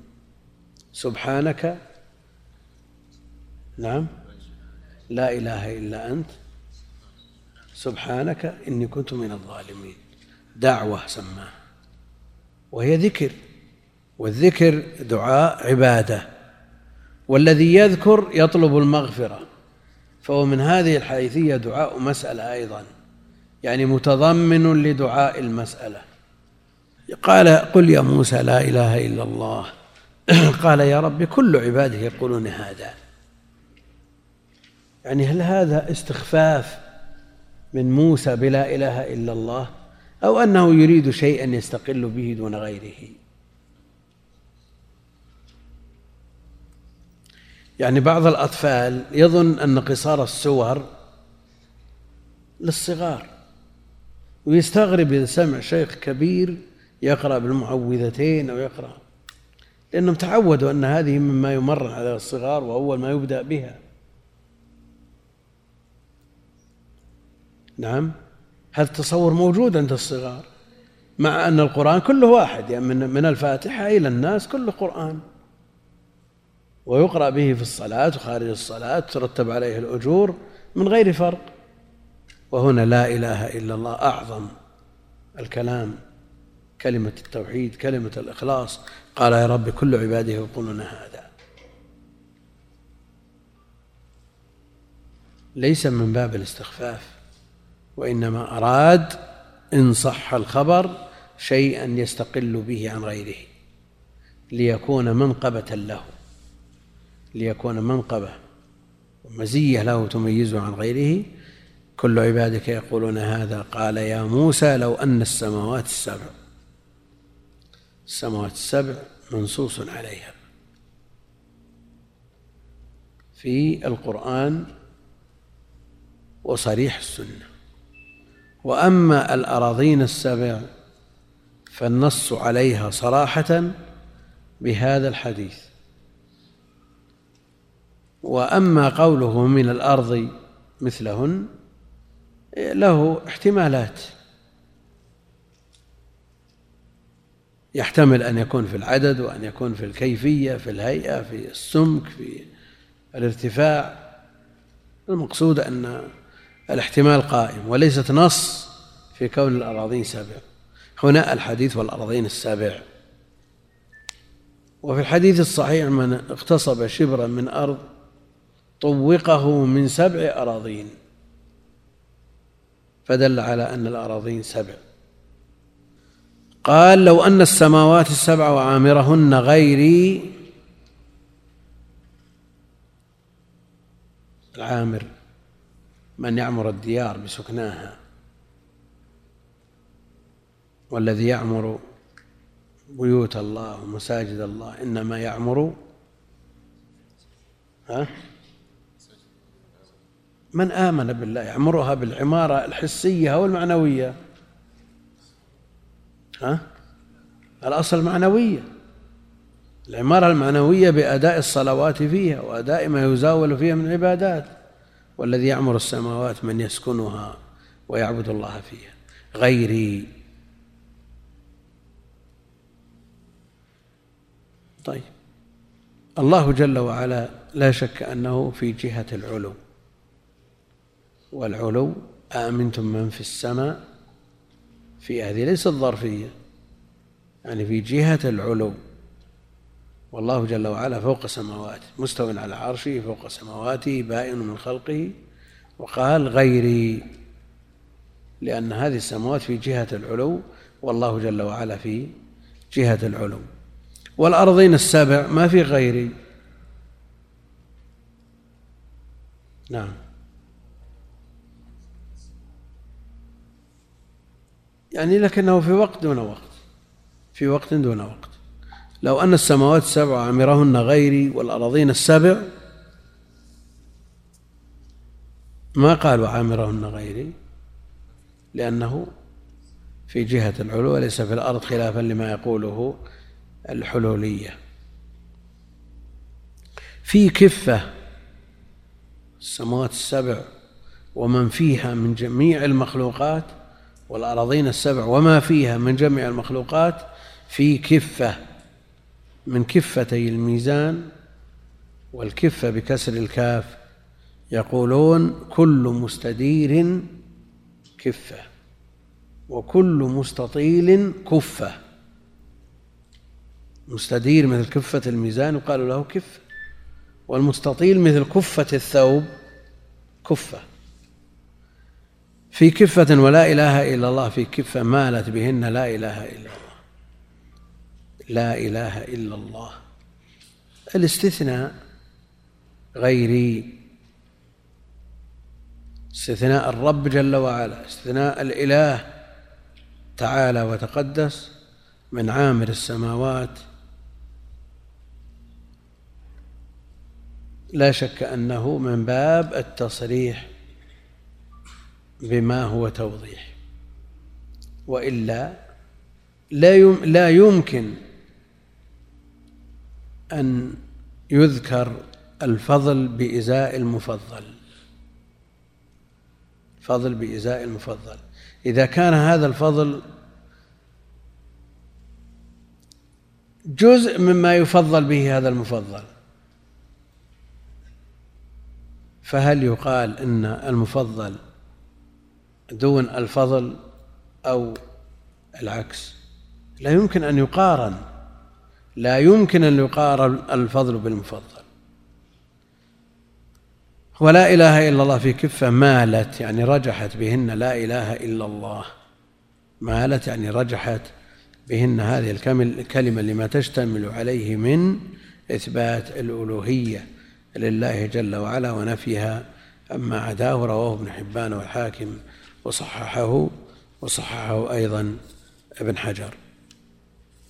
وللترمذي وحسنه عن أنس قال سمعت رسول الله صلى الله عليه وسلم يقول قال الله تعالى يا ابن آدم لو أتيتني بقراب الأرض خطايا ثم لقيتني لا تشرك بي شيئا لأتيتك بقرابها مغفرة. الترمذي وحسنه. خرج عندكم شو يقول؟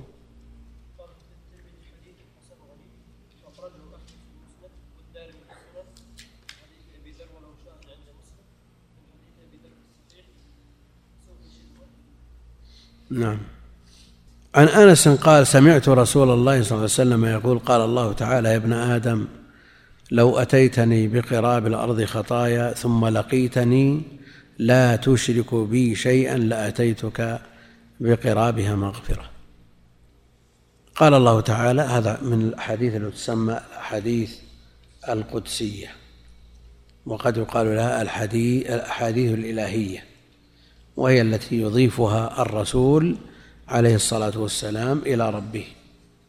يرويها النبي عليه الصلاة والسلام عن ربه جل وعلا. قال الله تعالى يا ابن آدم لو أتيتني بقراب الأرض يعني ما يقارب ملء الأرض خطايا يعني بذنوب ومعاصي كثيرة جدا تقرب من ملء الأرض أو تقرب من مشابهة الأرض في العظم. ثم لقيتني لا تشرك بي شيئا لأتيتك بقرابها مغفرة. يعني لقابلت هذه المعاصي الكثيرة العظيمة بما يقابلها من المغفرة العظيمة التي تقرب من الأرض أو تقارب وتشبه الأرض. نعم. لا تشرك بي شيء ما في نص على التوبة.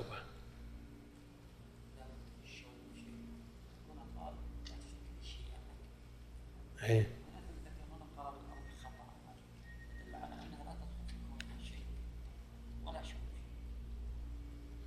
عندك سيأتي في المسائل.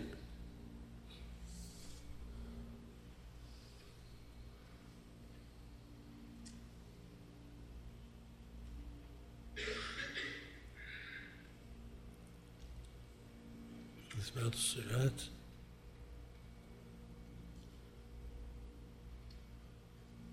لهن عمارة إثبات الصفات أنك إذا عرفت حديث أنس اللي هنا هنا معنا.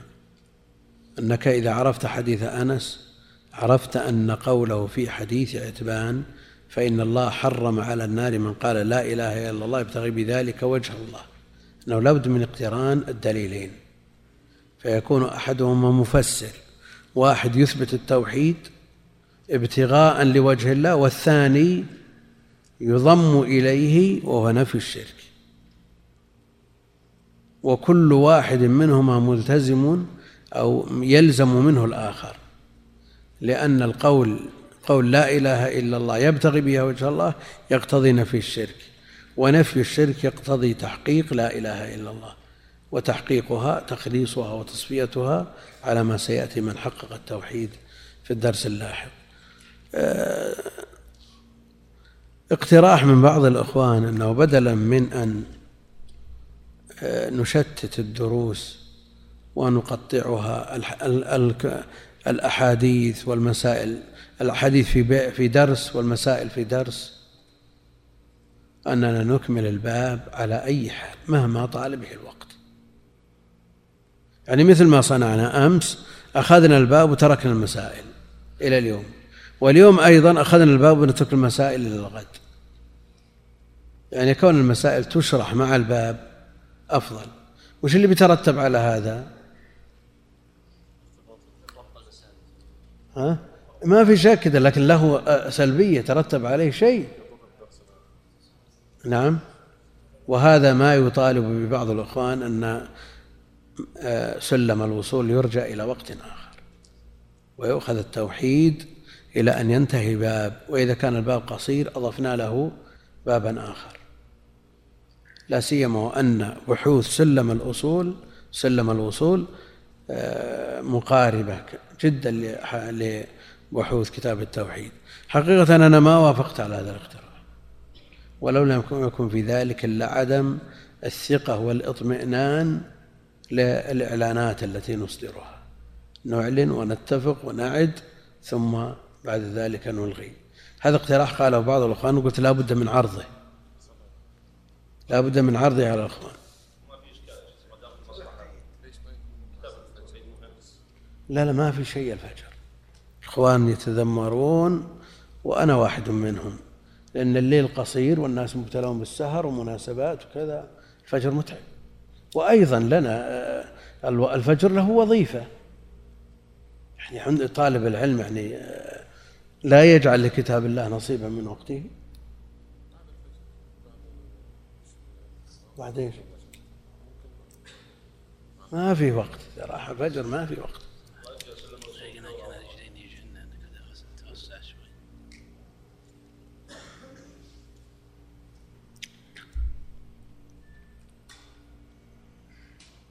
الاقتراح هذا وجيه. أنا ما وافقت لأمر واحد. وهو أن الثقة إذا تهتز فإننا نعلن عن شيء ثم نلغيه. لكن بعد التجربة أمس واليوم الآن لن نبدأ بسلم الوصول إلا بعد السادسة ها؟ لا لا لا إكمال ما في إكمال. لكن بدل من نأخذ عشرة أبواب نأخذ عشرين باب.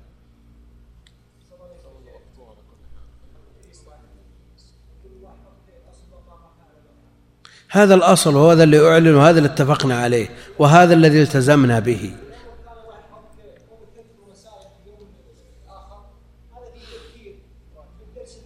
يعني كأنه مراجعة للباب السابق.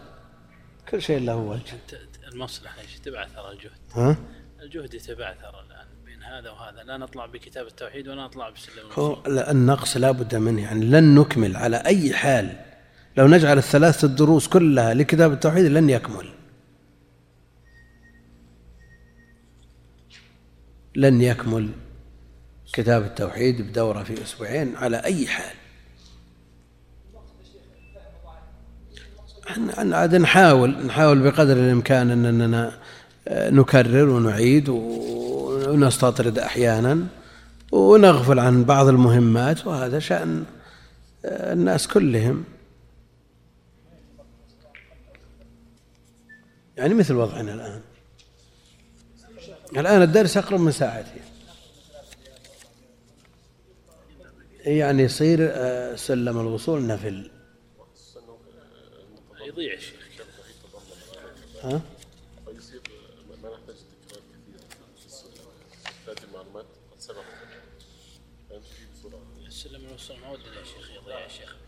لا لو بعض الأخوان حينما قالوا أن السلم يرجع إلى وقت آخر لتكون العناية به أشد. لأنه إذا كان فضله ونفل وفي آخر وقت يعني لن لن يكون الشرع على مستوى إذا ما قصد لذاته. هذا هذا هذا أمر مفروغ منه. يعني إذا كان تكميل وقت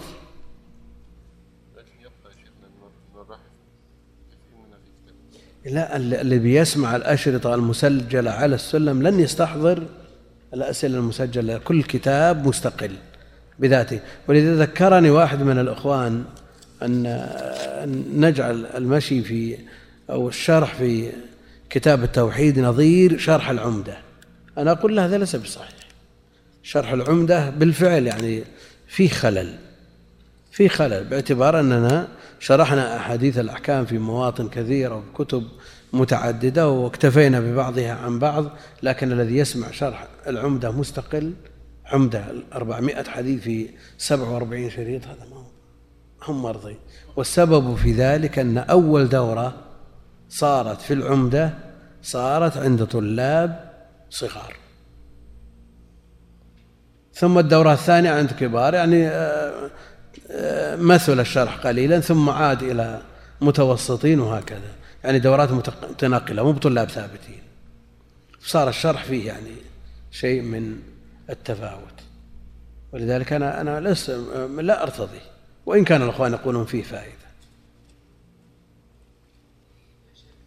يحتاج أن نستفتي ولا خلاص نمشي على الجدول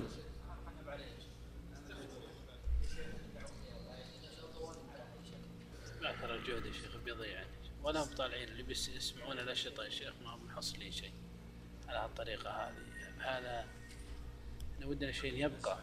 ها؟ لا ما يكفيه التوحيد ساعة ولا ساعتين. يعني التوحيد التوحيد طلب عليه من قديم ووعدنا به الإخوان مرارا وأجلنا. المشكلة أن شرحناه مرارا وقرأنا شروحه كلها بعضها مرتين وبعضها ثلاث لكن ما نظرت في الأسواق ما في شيء مسجل.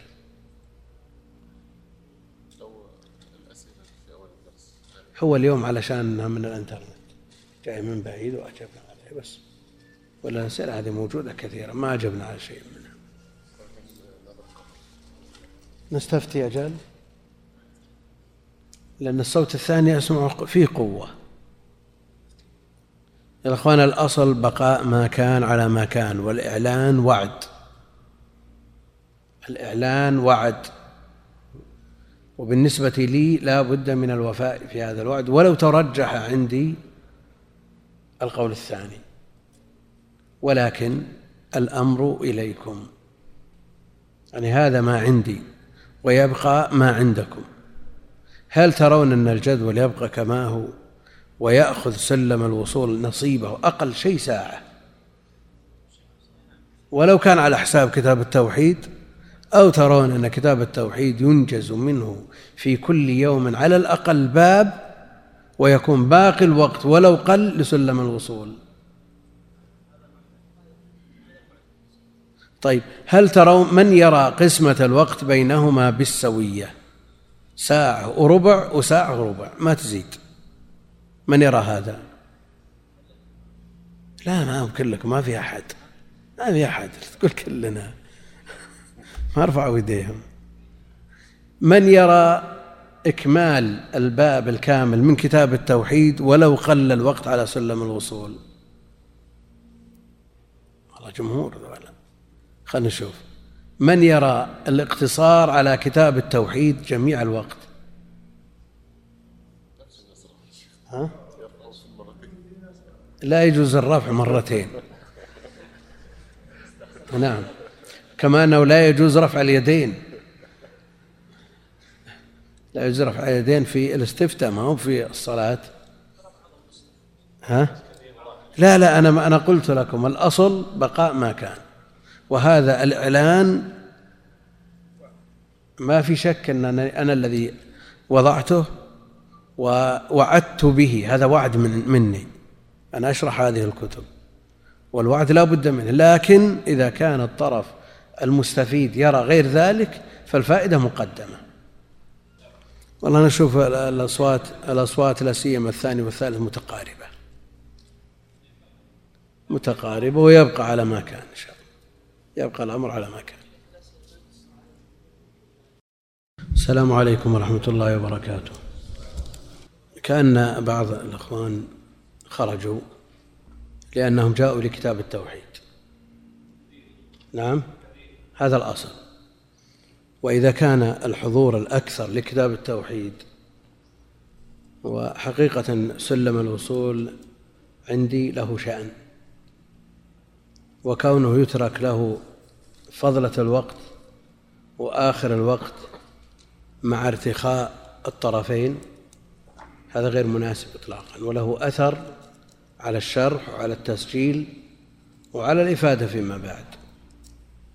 فالذي ترجح عندي أن الوقت أن الدرسين كلاهما يكون ركنان للتوحيد.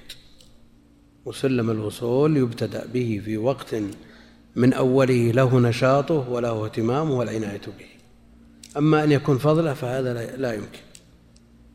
لأن الآن لو لو بدأنا مثلا انتهينا عند الخامسة والنصف من أربع إلى خمس ونصف هذا كتاب التوحيد. وهذا يكفي لشرح باب مختصر. والمسائل تأتي لاحقة. ثم بعد ذلك أخذنا هذه الراحة التي كل ينشدها وكل يحتاج إليها. ولو لم يكن فيها إلا تجديد الوضوء مثلا. نحتاج إلى ربع ساعة. ثم بعد ذلك نحتاج إلى ساعة إلا ربع لشرح الكتاب. ما تكفي مع أن الكلام في كتاب التوحيد لا ينتهي. ما ينتهي ولا يكفي ساعة أو ساعة وربع أو ساعة ونصف. لأننا وعدنا بين الإخوان من قديم وأجلناهم مرارا وكتاب في غاية الأهمية. فكونه يفتت الوقت صحيح أن النظري كان يقتضي هذا وعدنا به وأعلنا عنه لكن لما جئنا إلى التطبيق الأوقات المنضبطة التي تتخللها صلوات. أما الأوقات التي لا تتخللها صلوات هذه لا يمكن ضبطها. لا يمكن ضبطها لأنه لا يمكن أن تقف في نصف حديث مثلا من كتاب التوحيد لتقول خلاص انتهى الوقت. لا بد أن تكمل الحديث وإذا كملت الحديث الحديث الذي يليه له ارتباط به وله علاقة به. المسائل تلخيص لما مضى فلا بد من معرفتها مع هذه الأحاديث وحينئذ لا يبقى الكتاب الثاني إلا الوقت القليل. وبالفعل يعني أنا أجد صعوبة في أن أعد بهذا الإعلان ولا أفي لكن المصلحة مقدمة. ولما نظرنا في درس الأمس ودرس اليوم رأيت أن سلم الوصول الآن لو أبدأ بسلم الوصول ما عندي استعداد أن أقول في شرح بيت من الأبيات كل ما أريد أن أقوله. لأنه الآن شرحنا في كتاب التوحيد ساعتين. ساعتين. فماذا يبقى من الجهد؟ فضلا عن الوقت الكتاب الثاني. فالذي قررناه مع الإخوان أن كتاب مع سلم الوصول يرجع إلى وقت يخصص له. يخصص له. أسبوعين أو ثلاثة حتى ينتهي من أوله إلى آخره ليكون شرحه على مستوى واحد وعلى مستوى يليق بالكتاب بحيث إذا سجل وسمع إلى فيه شيء من الفائدة وليس فيه شيء من الازدواجية مع كتاب التوحيد. فهذا الذي أنهينا الأمر عليه مع احترامنا لرغبات الإخوان وحرصهم على الكتاب. أنا والله أني يعلم الله أني أحرص منكم على سلم الوصول. لكن بهذه الطريقة ما يمكن أن يخرج. لأن لن يعاد إليه مرة ثانية. يعني إذا شرح وسجل خلاص. متى يرجع إليه مرة ثانية يشرح ثاني هذا فيه صعوبة. وإذا كان الوقت كله حددنا من أربع إلى ست أو ست وربع متواصلة لكتاب التوحيد وأخذنا باب بجميع أحاديثه بجميع مسائله الحمد لله. فيه بركة هذه درسين وفيهن وأنا رأيت في دورات بعض المشايخ اللي عندهم أربعة أو خمسة دروس في اليوم أنا رأيت الدرس أربعين دقيقة. يعني في الساعتين ثلاثة دروس. هذا لا يعني أن أنهم يعني مسألة تكثر أو مسألة لا ولا يعني هذا أن أن آه، ضيق الوقت قد لا يفي. بالغرض بعض الناس عنده قدرة أن يشرح في نصف ساعة ما لا يستطيع أن يشرح ما لا يستطيع أن يشرحه غيره في ساعة. يعني واحد من المشايخ آه، جعل له شرح الأربعين في أسبوع. الأربعين النووية. في أسبوع. أكمل الأربعين النووية في ثلاثة أيام واعتذر عن يومين. وأنا أعرف هذا الشيخ يعني لو فرغ كلامه في الثلاثة الأيام وفرغ كلامنا في خمسة أيام أو ستة وجد كلامه أكثر. لأن بعض الناس عنده قدرة على سرد المعلومات متسلسلة بدون توقف بدون تردد بدون وأحد يجيد التمطيط وتضييع الوقت. والله نسأل الله أن يعاملنا بالعفو. وهذه طريقة وهذه طريقة بعض الناس يرتاح إلى مثل آه، طريقة الشيخ الذي ذكرناه من غير تسمية أنه يسرد ويعطيهم علوم كثيرة في وقت قصير وبعضهم لا. قد يفوته أشياء بهذه السرعة. والترديد وتقليب العلوم على أساليب مختلفة يستفيد منه بعض الطلاب. وكل له طريقته ومنهجه وكل يريد الخير. هذا المظنون بالمشايخ. على كل حال إذا جعلنا كتاب التوحيد ينتهي في السادسة أو السادسة والربع وريحنا الأخوان لمدة نصف ساعة وجاءوا إلى درس المغرب بهمة ونشاط وكذلك. أين أنا أحتاج إلى شيء من الراحة قبل صلاة المغرب؟ لا سيما أن غدا كثير من الأخوان يصوم الاثنين. كيف يتيسر لهم الفطور؟ كيف يتهيئون له ويتجهزون؟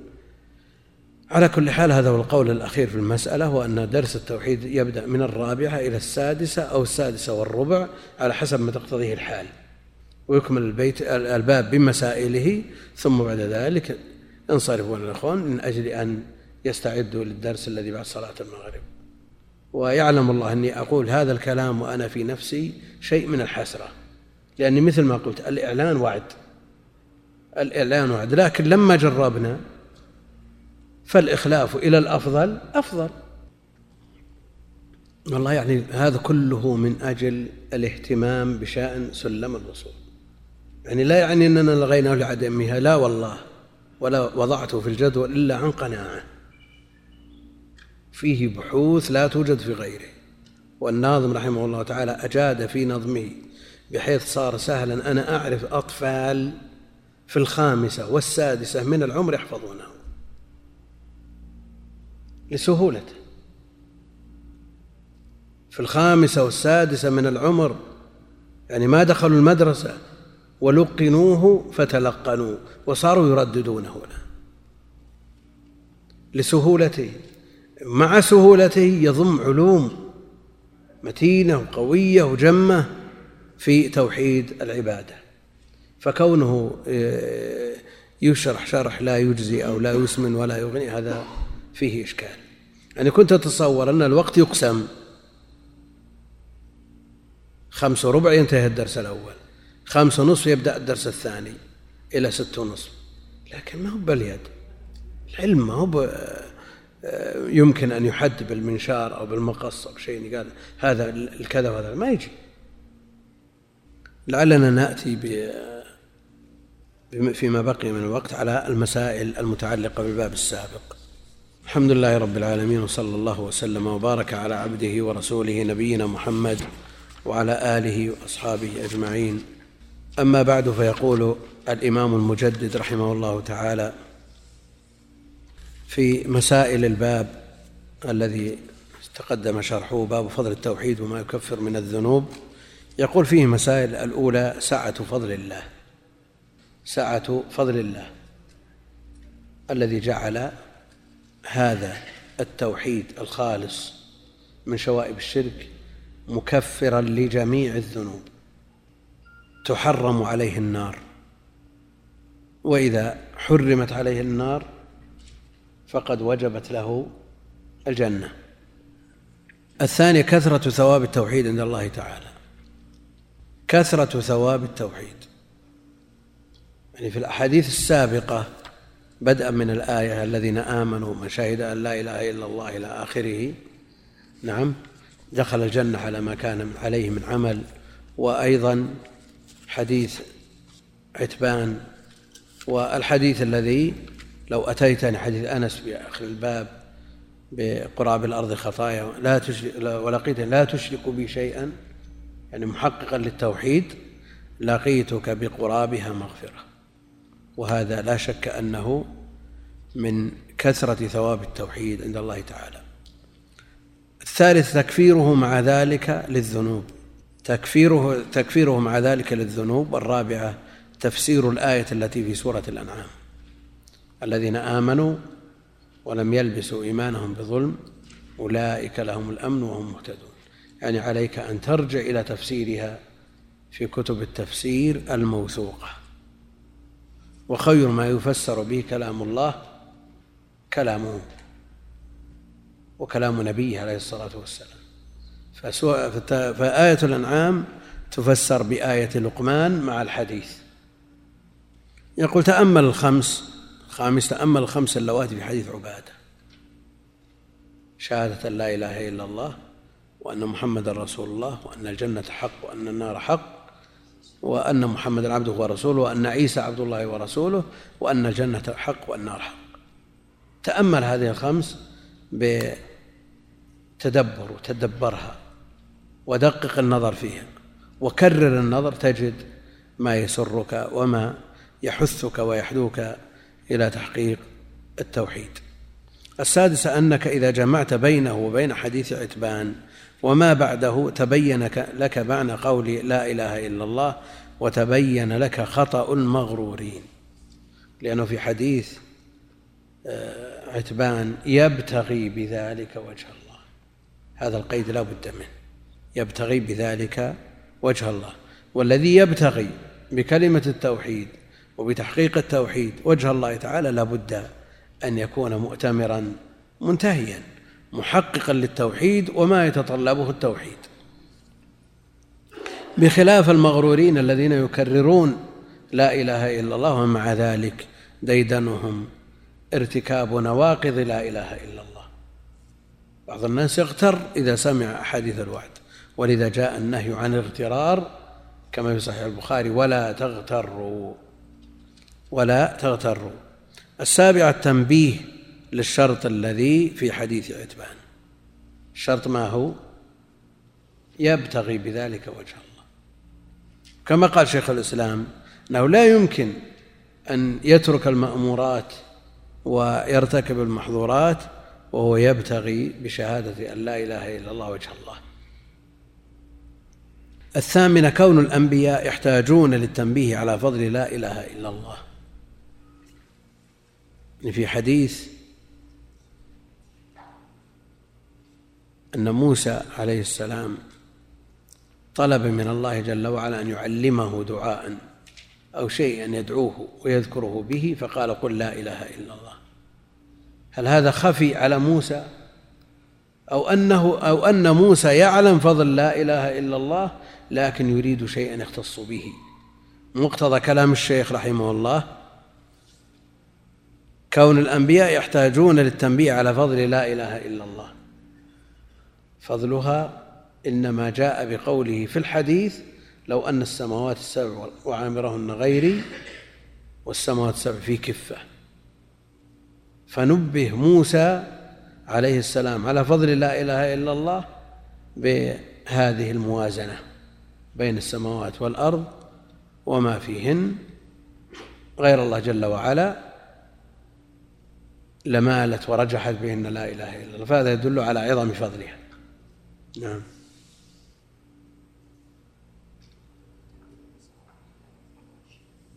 شو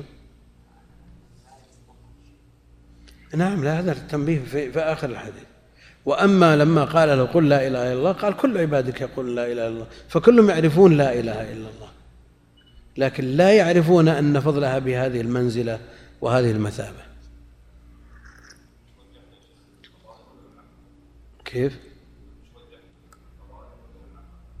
على القول بتصحيحه سواء كان في الفضائل في العقائد ما في فرق لكن إذا قلنا بتضعيفه وفي إسناده لين فيه دراج ومضعف عند أهل العلم فإن كان من الفضائل فجمهور أهل العلم يقبلونه في الفضائل. وإذا قلنا إنه في العقائد فلا يقبله أحد لأنه ضعيف. ثم بعد ذلك هل هو في الفضائل أو في العقائد؟ ها؟ لو قلنا إنه في فضل العقيدة هو في فضل العقيدة.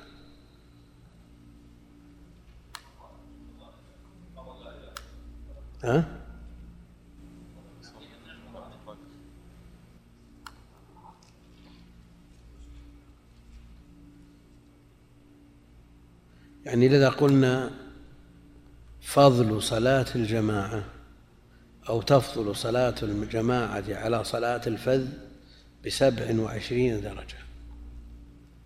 هل هذا في حكم صلاة الجماعة أو في فضل صلاة الجماعة؟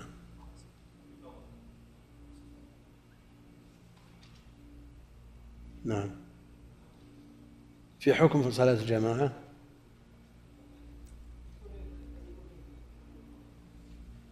من يقول بوجوبها بوجوب صلاة الجماعة يقول هذا في فضل صلاة الجماعة والذي يقول بأنها سنة يقول في حكم صلاة الجماعة. والنص قد يتجاذبه آه، الخصوم كل يراه دليلا له.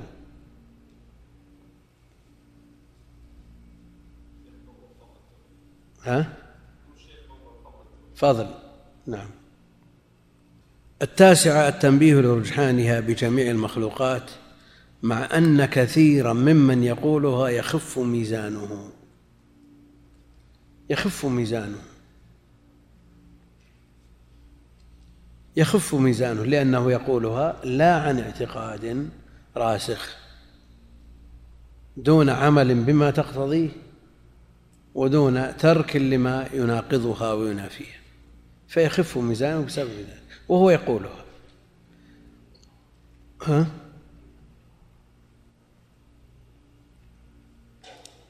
حديث البطاقة وأن العاصي الذي جيء بسجلاته التسعة والتسعين وكلها ذنوب فيقال له هل لك من حسنة؟ فيقول لا. فيقال إنك لن تظلم فيؤتى ببطاقة فيها لا إله إلا الله فتوضع في كفة فتطيش السجلات وترجح البطاقة. لكن لا إله إلا الله يعني عظمها وفضلها يكون عظم قائلها بحسب تحقيقه لها. وإلا قد يقولها بلسانه وقلبه فارغ منها كما يقولها المنافقون. العاشره النص على أن الأراضين سبع كالسماوات.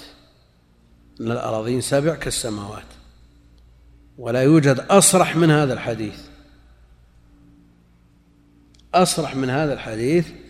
السماوات السبع في كفة والأراضين السبع. شوف في هذا الحديث والأراضين السبع في كفة. ومن الأرض مثلهن هذا ليس بصريح. لأن المثلية لا تتعين في العدد فليس بصريح في كون الأراضين سبع طوقه من سبع أراضين. بعضهم يقول من سبع بقاع. لكن كيف يطوق من سبع بقاع؟ لا شك أن الحديث ظاهر. يعني ليس بنص مثل حديث الباب لكنه ظاهر في أن المراد من سبع أراضين. بعضها فوق بعض. الحادية عشرة أن لهن عمارا. أن لهن عمارا. يعني لهن يعني الأراضين عمار. جاء في حديث لكنه ضعيف.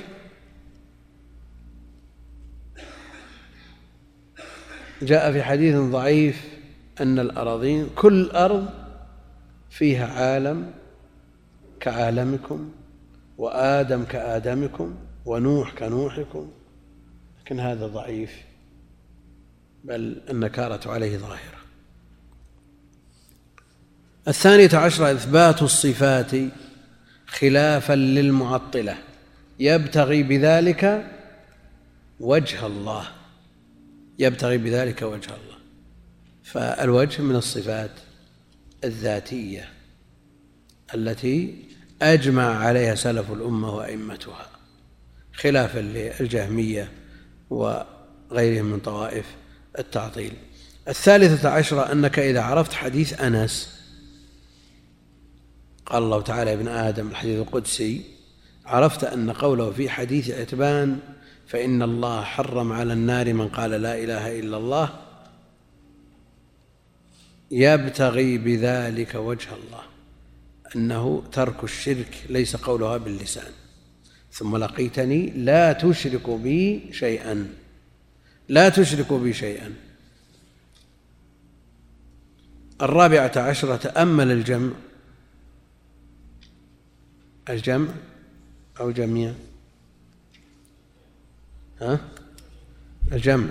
عندي الجميع تأمل الجمع بين كون بين كون عيسى ومحمد عبدي الله ورسوليه محمد وعيسى عليهما السلام. غلا فيهما من غلا. ولذا جاء النهي منه عليه الصلاة والسلام لا تطروني كما أطرت النصارى ابن مريم. إنما أنا عبد الله ورسوله. فالنصارى غلت فيه غلوا في عيسى ومن هذه الأمة من غلا في محمد عليه الصلاة والسلام ووصل فيه إلى الحد الذي يخرج به من دين الإسلام البدع المغلظة الشرك الأكبر نسأل الله السلامة والعافية وكما قالت النصارى بعيسى. فهما بينهما وجه شبه من هذه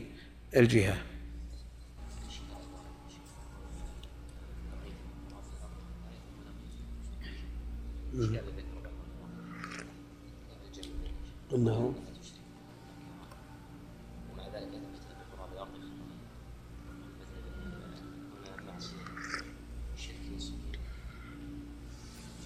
في شوب شرك.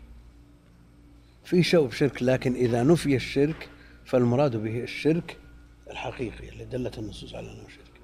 ليس بمعناه الأعم إنما بمعناه الأخص.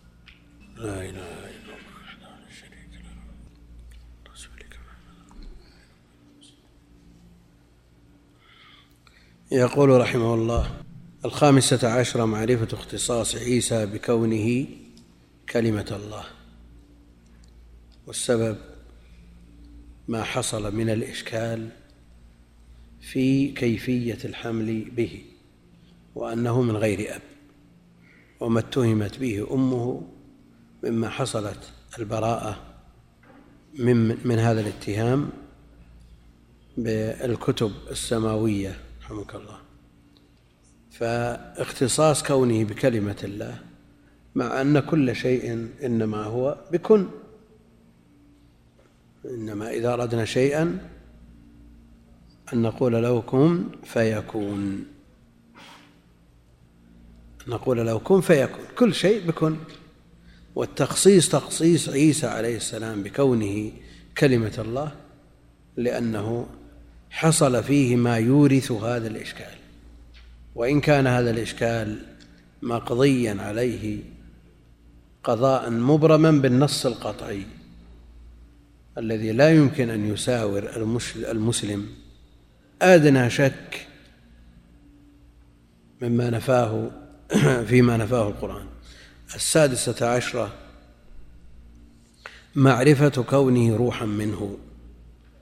يعني ليست من للتبعيض كما تقوله النصارى وإنما هي بيانية أو ابتدائية أو ابتدائية كما تقدم. السابعة عشرة معرفة فضل الإيمان بالجنة والنار وأنها من موجبات دخول الجنة من موجبات دخول الجنة.